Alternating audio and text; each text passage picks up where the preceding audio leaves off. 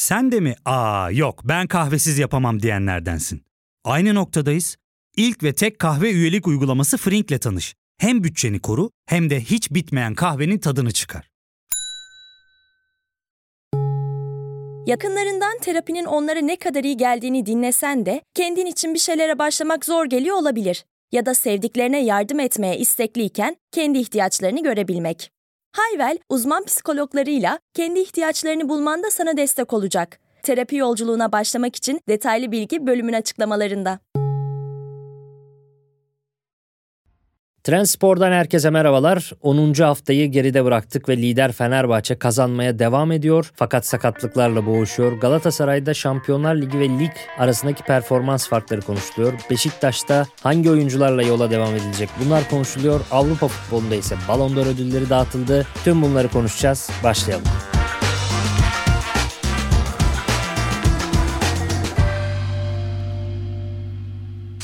Lider Fenerbahçe ile başlıyoruz. Fenerbahçe'de gündem, acı bir gündem, sakatlık gündemi. Takım bu kadar iyi giderken, dolu dizgin galibiyet serileri devam ederken, işte 19'da 19 oldu biliyorsunuz. Müthiş bir seri. Bunu Avrupa'da sadece böyle bir Galler takımı falan başarmış. 27 galibiyetleri var ama Galler Ligi'nin de seviyesi malum. Hani acayip bir rekor. Ve Pendik karşısında da 5-0'lık galibiyet geldi ama Fenerbahçeliler böyle galibiyetin tadını çıkaramadı. Çünkü ard arda sakatlık haberleri de geldi ve beklenenden de daha ciddi gözüküyor maalesef bu sakatlıklar. Zaten ilk 7 dakikada Bekao ve Fred sakatlanmıştı. Fred hemen çıktı ve Bekao da devre arasında oyundan çıkmıştı. Maç sonunda yapılan açıklamalarda Bekao'nun sakatlığının o kadar ciddi olmayabileceği söyleniyordu. Fakat düşünülenden daha ciddi olabilir. Şimdi bazı Fenerbahçeli yorumculara ve muhabir muhabirlere, haber müdürlerine falan baktım bir sosyal medyada vitar attım. Şimdi böyle net ifadeler kullanmak istemiyorlar ama iyimser konuşan hiç yok maalesef. Bekao'nun ameliyat olursa eğer 3 aya kadar olmama ihtimali söz konusu. Şimdi durum şöyle. Bekao'nun zarar gören kas bölgesinde kan birikmiş ve bu Sercan Hamzaoğlu'nun haberi. Bu kan dağıldıktan sonra 48 saat sonra tekrar bir inceleme yapılacak ve duruma göre eğer sadece zedelenme ise 2 haftayla atlatılabilir. Ama bir yırtık varsa ameliyat olursa işte 3 aya kadar sakatlık süreci olabileceğini söylüyorlar. Cüneyt Kaşaler'in de böyle bir yorumu var. Ciku'nun durumu biliyorsunuz o daha önce sakat sakatlanmıştı. Ciku da ameliyat olursa 6-8 hafta aralığında yok deniyor. Yani bir sonraki milli arayı Aralık ortasını, Aralık sonlarını da bulma ihtimali söz konusu.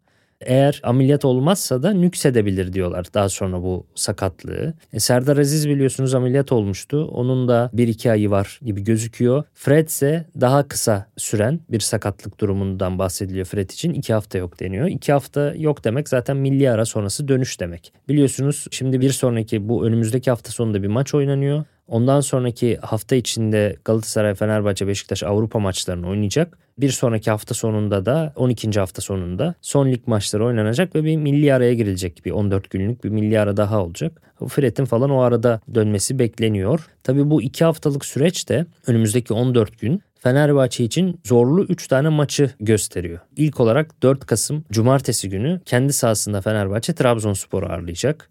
Trabzonspor'a da Abdullah Avcı göreve geldi biliyorsunuz. İlk maçlarında çok iyi oyunlar olmasa da puanlar toplamaya ve geçmişte geçen sezonlarda yaptığı gibi Trabzonspor'a ilk göreve geldiğinde de yine sezon ortası gelmişti ve ilk olarak böyle bir savunmayı kurmaya çalışmıştı. İşte iki tane çakılı altı numara gibi Berat'la Mendy'yi oynatıyor iki tane fizikli altı numara. Biraz daha böyle savunmayı oturtmaya çalışan bir Trabzonspor var. Abdullah Hoca var şu haftalarda.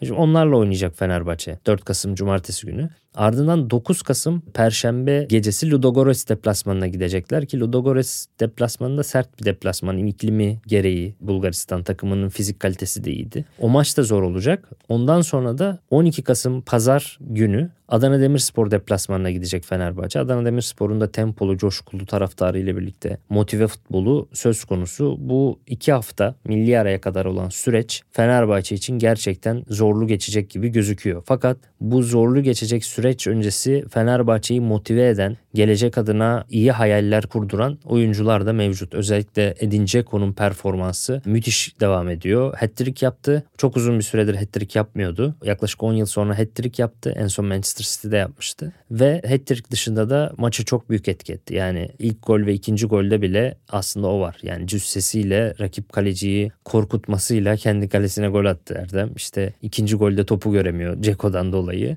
hem o kadar cüsseli bir oyuncu olup hem de saha içinde toplu topsuz bu kadar hareketli olması müthiş fark ediyor. 47 kez topla buluştu yine. Orta sahalar kadar topla buluşuyor her defasında ve ben onun için şey diyorum yani Fenerbahçe 5'li orta saha oynuyor. 4-2-3-1'deki 5 orta sahası var ama Ceko da bir orta saha kadar oyuna etki ediyor her maç. O yüzden altılı orta saha oynuyor aynı zamanda gibi çok etkiliydi ve bazı rekorları da Süper Lig rekorlarını da kırmış oldu. Rekoru kırdığı isim de çok anlamlı. Lefter Küçükandanyadis. Lefter'e aitti en yaşlı hat-trick yapan Süper Lig oyuncusu olma rekoru. 1962'nin Ekim ayında Vefa Spor'a karşı oynanan maçta e, Lefter 36 yaşının son günlerinde 36 yaş 291 günlükken e, hat-trick yapmış. Edin Dzeko'nu 37 yaşındayken kırmış oldu Pendik'e karşı. iki İstanbul takımına karşı atılmış bu hat-tricklerde. Onun dışında 2007-2008 sezonundan bugüne ilk defa ilk 10 maçta en çok gol atan oyuncu oldu. Yine Edin Dzeko 10 golle Icardi ile gol krallığında yarışıyorlar ve İsmail Kartal da Aykut Kocaman'ın rekorunu egale etti. İsmail Kartal biliyorsunuz Aykut Kocaman'ın yardımcısıydı o dönemlerde. Aykut Kocaman'ın 2010-11 sezonunda 10 maç üst üste Süper Lig'de galip geldiği bir dönem vardı. İsmail Hoca da 10 Süper Lig galibiyetiyle ard arda alınmış 10 Süper Lig galibiyetiyle eski hocasını yakalamış oldu. Fenerbahçe'de bence Pendik maçında işte Ceko'nun performansını ben her hafta konuşuyorum artık üzerinden geçmek şey olmuyor ama Bright Osay Samuel'in olağanüstü performansını da söylemek lazım. İrfan Can Kahveci'nin de performansını söyleyelim. İrfan Can Kahveci kariyerinin en skorer sezonunu yaşıyor, en golcü sezonunu yaşıyor. Daha 10. haftadan Süper Lig'de 5 gol attı. Avrupa kupaları ile birlikte toplam 9 gole ulaştı. En skorer sezonunu geçiriyor. Totalde asist ve gol toplamında ise ilk sezonunu henüz geçemedi ama ilk sezonundan sonraki 8 sezonun en iyi sezonu. Yani son 8 sezonun en skorer sezonuna da hem asist hem gol olarak da şimdiden ulaşmış oldu. 3. ligden Gençler Birliği'ne geldiğinde 2014-15 sezonunda daha 20 yaşındaki İrfan Can en skorer sezonunu oynamıştı. Sonraki 8 sezonda o kadar istediği gibi geçmemişti. Bu sezonsa olağanüstü bir şekilde skorer şekilde devam ediyor. 9 gol 6 asist oldu. Onu da tebrik ediyorum. Fenerbahçe'de muhtemelen Fred yerine şimdi Zayt oynayacak bu zorlu maçlarda. Hücum yine Zayt dışında bir değişiklik yok. Yani yine Şimanski'si, İsmail'i, İrfan Can Kahvecisi, Cengiz de döndü sakatlıktan. Tadiç'i ve Cekos'u devam ediyor. Hücum yine aslında çok aksamaz diye tahmin ediyorum. Ama savunmada bu sakatlıklardan sonra sağ bekte Osey Samuel, sağ stoperde Samet, sol stoperde Osterwolde ve sol bekte de Ferdi ile devam edecek gibi gözüküyor. Tabii bu sakatlıklar devam ederken rotasyon yapamayacak olmak ve bu Trabzon, Ludogorets, Adana Demir maçlarına aynı savunmacılarla çıkacak olmak da bir yandan risk. Bir de tempolu şey maçlar olacak, zor maçlar olacak. Hem de onlardan da bir sakat çıkarsa işleri İsmail Hoca için daha da zor hale getirecek gibi. İsmail Hoca da zaten Pendik maçından sonra bundan yakındı. Yani hep maçların ilk bölümünde sakatlık yaşıyoruz gibi bir ifade kullandı. Tabii şanssızlık da var ama Fenerbahçe gerçekten dolu düzgün devam ediyor. Buradan Galatasaray'a geçelim. Galatasaray'da gündem değişik, karışık. Çünkü maç performansları da karışık. Yani Süper Lig'deki performansıyla Şampiyonlar Ligi'deki performansı Galatasaray'ın çok farklı. O yüzden hem Rize Spor maçında bekleneni veremeyen oyuncular veya oyun eleştirilebiliyor. Hem de Bayern Münih maçındaki olağanüstü yüksek performans övülüyor. Bu tabii sadece Türkiye'de de övülmüyor yani onu da söyleyeyim. Son olarak Louis Kircher bir yazı yazdı. Totalfutbolanalisis.com'da yazdı bu yazısını ve Türkiye'de de çokça paylaşıldığını gördüm. Bu yazıda Galatasaray'ın Bayern Münih karşısındaki oyun planını inceleyen bir anlatım var. Ve tabii çok çarpıcı istatistikler de yer alıyor yazıda. Bu yazıdan sonra ben de Weisscout'tan baktım yazıdaki ifade şöyle 32 tane Şampiyonlar Ligi takımı var. 32 Şampiyonlar Ligi takımı arasında PPDA istatistiğinde bir numarada Galatasaray bulunuyor. Daha önceki bölümlerde biraz bahsetmiştim bu PPDA istatistiğinden. Tekrar onu söyleyeyim. PPDA Purposive Defensive Action açılımı. Şu demek Türkçesi ve anlatımı şu. Siz bir defansif aksiyona girişmeden önce işte bu top kapmak olur, pas kesmek olur. Herhangi bir defansif aksiyon yapmadan önce rakibin kaç pas yapmasına izin veriyorsunuz. Açılımı bu. Yani Galatasaray rakibine aman vermiyor. Ben biraz şeyde Twitter'da Apache'ye benzettim. Apaçiler gibi, Kızılderililer gibi durmaksızın saldırıyor rakibine. Yani rakibinin soluklanmasını, topa basmasını ve pas yapmasını istemiyor Galatasaray. Bastırıyor. Müthiş bir baskı kuruyor. Ve yine Vice Scout'taki defansif istatistiklerde bunlar ikili mücadele, top kapma ve pas kesme istatistikleri. Tackle, interception ve duels'larda Galatasaray'ın Paris Saint Germain'den sonra ikinci sırada olduğunu görüyoruz. En fazla dediğim gibi ikili mücadeleye giren, top kazanan ve pas kesen toplamında yani. En fazla defansif aksiyona giren ikinci takım Paris Saint Germain'den sonra Galatasaray. Bu da yine bence Apache benzetmesine uyuyor. Galatasaray çılgın gibi oynuyor baskıyı çılgınlar gibi yapıyor. Biraz 96-2000 dönemine de benziyor. Tabii bu beraberinde bitiricilikte problemler yaratıyor. Bunu Kirşer de yazısında belirtmiş. Yani gollerin kaçması veya işte panik halde hücumlar gibi. Bu biraz ama yani Jurgen Klopp biliyorsunuz bunu son dönemde yani yakın futbol geçmişinde Avrupa futbolunun yakın geçmişinde Jurgen Klopp çok yaptırır. Yani coşkulu baskılı pres oyunu. Onun takımları da en iyi olduğu dönemlerde bol gol kaçırıyordu. 96-2000 dönemindeki Galatasaray'ın Avrupa şampiyonluğuna erişen oyunu da yakın dönem Jurgen Klopp oyununa en benzeyen oyundu. Orada da çok ciddi bir ön alan baskısından ve durmaksızın yapılan presten bahsedebiliriz. İşte o oyunculardan bir tanesi de Okan Buruk'tu şimdi teknik direktör. O oyunda da ben çok net hatırlıyorum çocukluğumda Galatasaray çok gol kaçırıyordu. Yani çok gol pozisyonuna giriyordu ve çok gol kaçırıyordu. Bununla ilgili bir fikrim var. Bence çok basit. Eğer çok tempolu oynarsanız çok koşar, çok mücadele ederseniz nabız da çok yükseliyor ve sakinlik de çok azalıyor ve son vuruş anında da sakin kalamıyorsunuz. Böyle bir azimle o kadar pozisyona giriyorsunuz. Yani bunu da kaliteden de azade bir durum bu. Yoksa Icardi'nin bitiriciliği dünyada ilk 5'te bence. Dünyadaki bütün santrforlar arasında bitiricilik konusunda ilk 5 oyuncudan bir tanesidir Icardi. Sakinlik, soğukkanlılıkta da aynı şekilde. Fakat ataklar çok hızlı ve tempolu geliştiği için takımın total heyecanı artıyor. Ve o coşkunluk halinde de sakin kalınamayabiliyor. O yüzden hani Liverpool da çok gol kaçırırdı. Onlarda da çok usta ayaklar, çok iyi bitiriciler vardı. Kaçıyordu. Firmino da çok eleştiriliyordu gol kaçırıyor diye. Salah da bir dönem çok kaçırıyor diye eleştiriliyordu. E, burada Icardi de kaçırdı mesela. Kerem de çok kaçırıyor diye eleştirildi haklı olarak ama Icardi de çok kaçırdı. Hem Kopenhag maçı olsun hem Bayern Münih maçı olsun. Çünkü dediğim gibi yani çok coşkulu oynanıyor. Bu gollerin kaçmasını o yüzden anlayabiliyorum. Bu sistemin bunu uygulamak isteyen takımların yaşayacağı bir zorluk bu. Kabul edeceği de bir zorluk. Yani her güzelin bir kusuru olur gibi. Bu gülün dikeni de bu aslında. Öbür tarafta ama bence yazıdaki Galatasaray ile ilgili negatif eleştirilerden en değerlisi şu. Galatasaray bu coşkun oyunu oynamak istiyor ama bunu 90 dakikaya yayamıyor diyor. Çok haklı. 60. dakikadan sonra Galatasaray'ın çok durulduğunu, hiç cevap veremediğini ve daha sonra da Bayern Münih'in net pozisyonlar bulup maçı kopardığını yazmış. Çok haklı bu. Bu tempolu oyunu 90 dakikaya yayma konusunda Galatasaray'ın daha özenli olması veya daha çok çalışması gerekiyor veya ne yapması gerekiyor onu Okan Hoca bilecek artık. Ama bu konuda net bir eleştiri söz konusu. Lige dönersek de Rize galibiyeti sancılı geçti Galatasaray için ama yine de gol yemeden kazanmayı bildi. Çok sayıda geçişe ve kontrata izin veriyor olmasına rağmen gol yememesi çok önemli. Galatasaray çok kalabalık hücum ediyor. Fenerbahçe de öyle.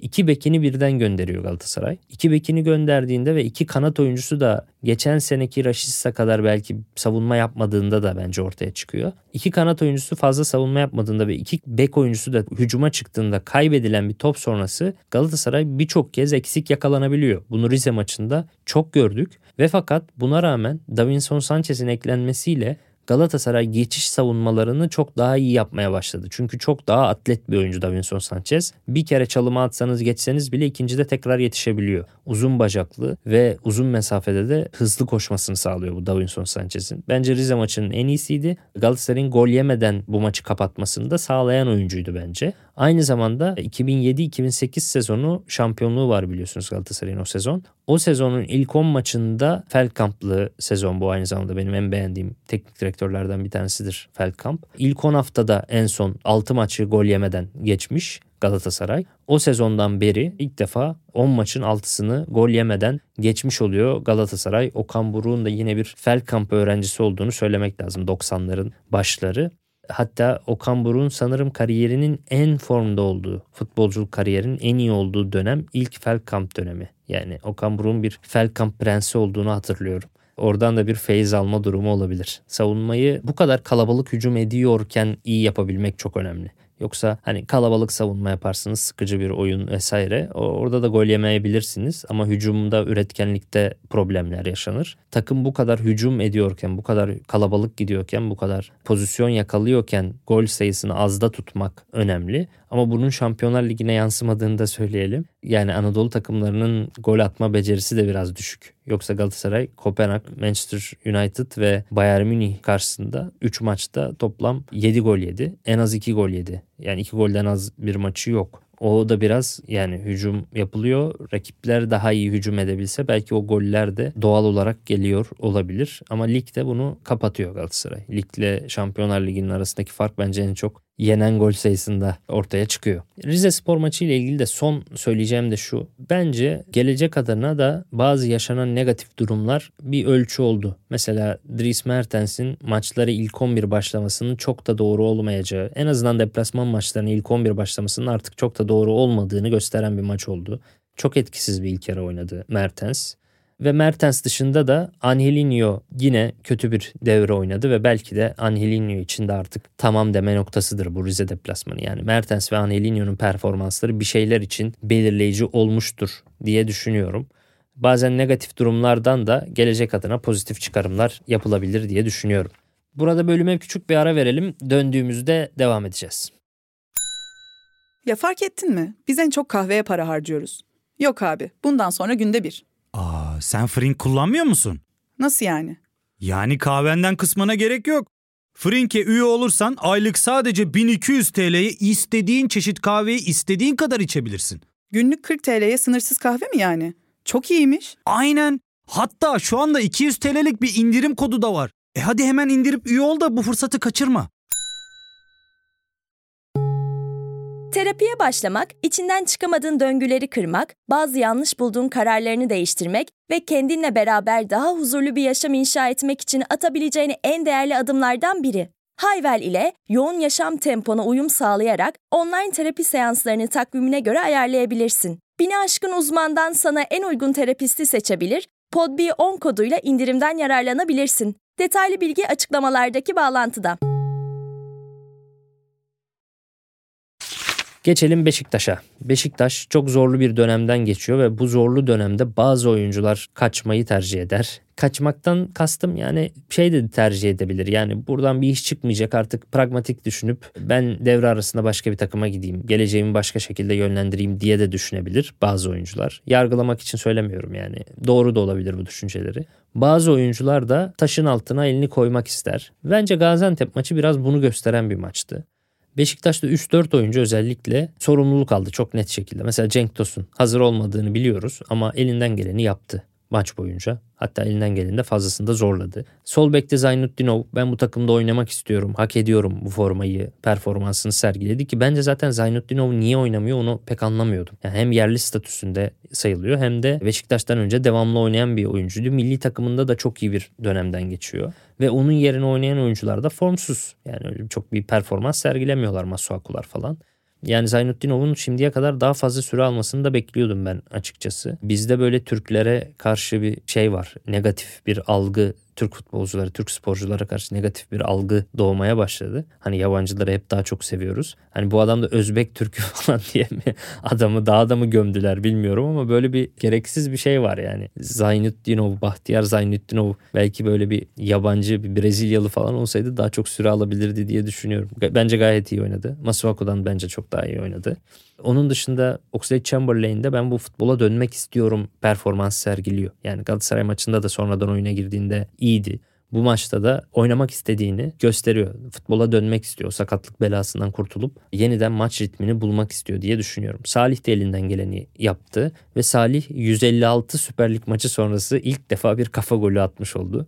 Maçı kıran goldü ama Antep için de Salih'ten kornerden kafa golü yemek önemli bir negatif bir durumdu. O gole kadar özellikle ikinci yarının başında iki tane Gaziantep tehlikesi var. Birini Draguş kaçırıyor karşı karşıya. Bir tanesinde Gradel yine karşı karşıya kaçırıyor. Önündeki takım arkadaşı Riyaskos'a çarptı şutu. O iki pozisyonda çok netti. Gol olsa belki Gaziantep maçı koparacaktı. Oradan taraftar da zaten mutsuz. Belki tribünde dönecekti falan. O maçı belki Gaziantep kazanacaktı. Hani Beşiktaş çok iyi oynadı demiyorum ama bazı oyuncular taşın altına elini koydu, karakter koydu. Yani hafta arasında Beşiktaş'ta Abu Bakar ve Rozier'in hastalandığı söylendi. O yüzden oynamadılar mesela.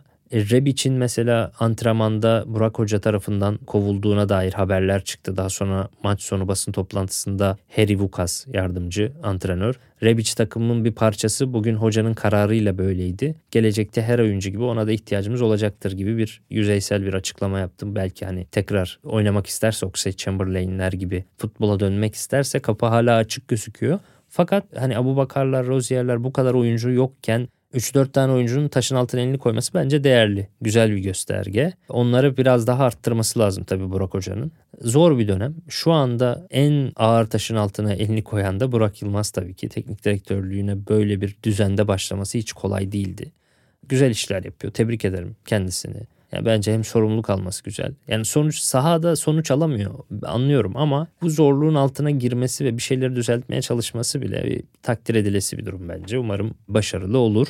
Beşiktaş'ta biliyorsunuz seçim 17 Aralık'tan 26 Kasım'a çekildi. Bu da Beşiktaş için iyi bir gelişme. Bir an önce bu sürecin tamamlanması adına ve A-Spor'un haberine göre de Ahmet Nur Çebi'nin aday olmayacağı söyleniyor. Bu da yine Beşiktaş için iyi olur diye düşünüyorum.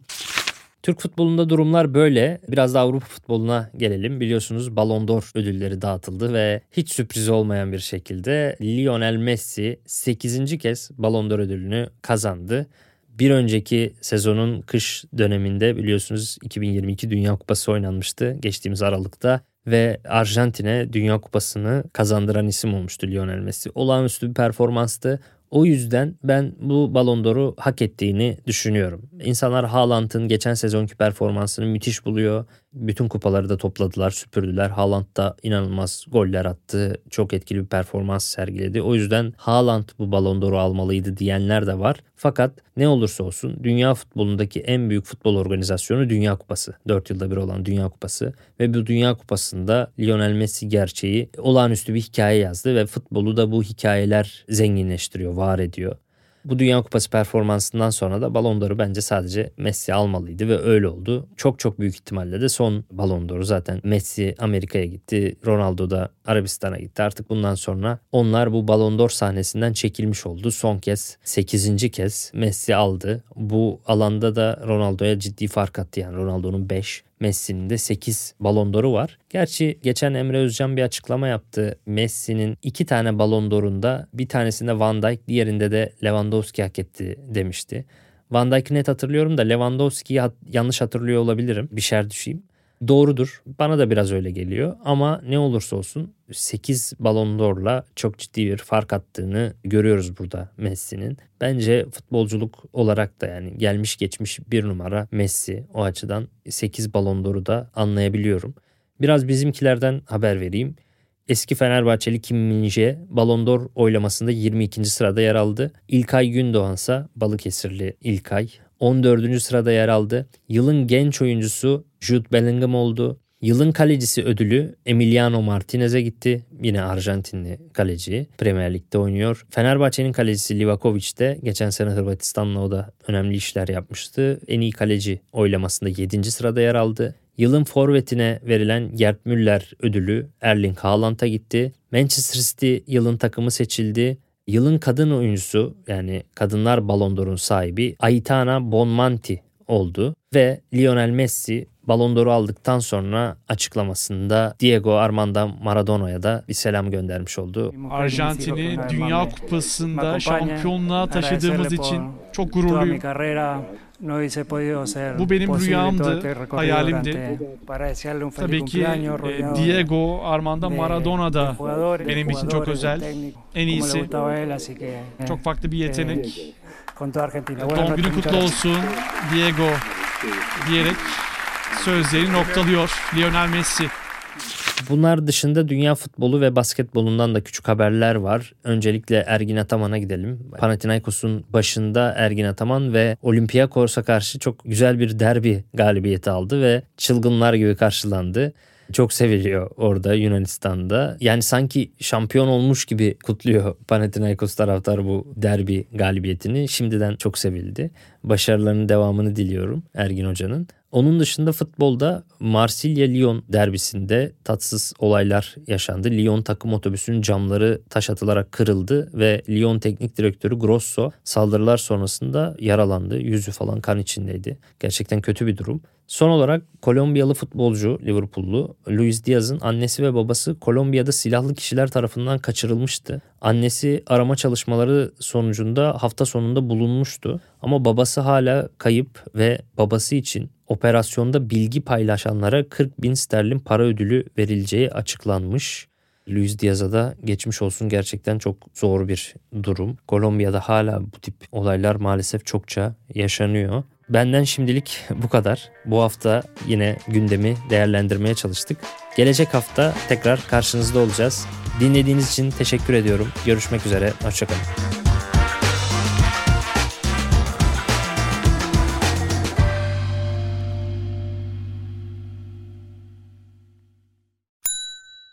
İlk ve tek kahve üyelik uygulaması Frink, 46 ildeki 500'den fazla noktada seni bekliyor. Açıklamadaki kodu girerek sana özel 200 TL'lik indirimden faydalanmayı unutma. Hadi sen de Frink üyeliğini başlat, kahven hiç bitmesin. Hem bugününe hem yarınına katacaklarıyla terapi yolculuğuna ve daha iyi hissetmeye bugün Hayvel ile başla. Açıklamadaki linkten Hayvel'i indir, ücretsiz tanışma görüşmelerinin ardından bütçene uygun seans paketini seç ve terapi yolculuğuna başla.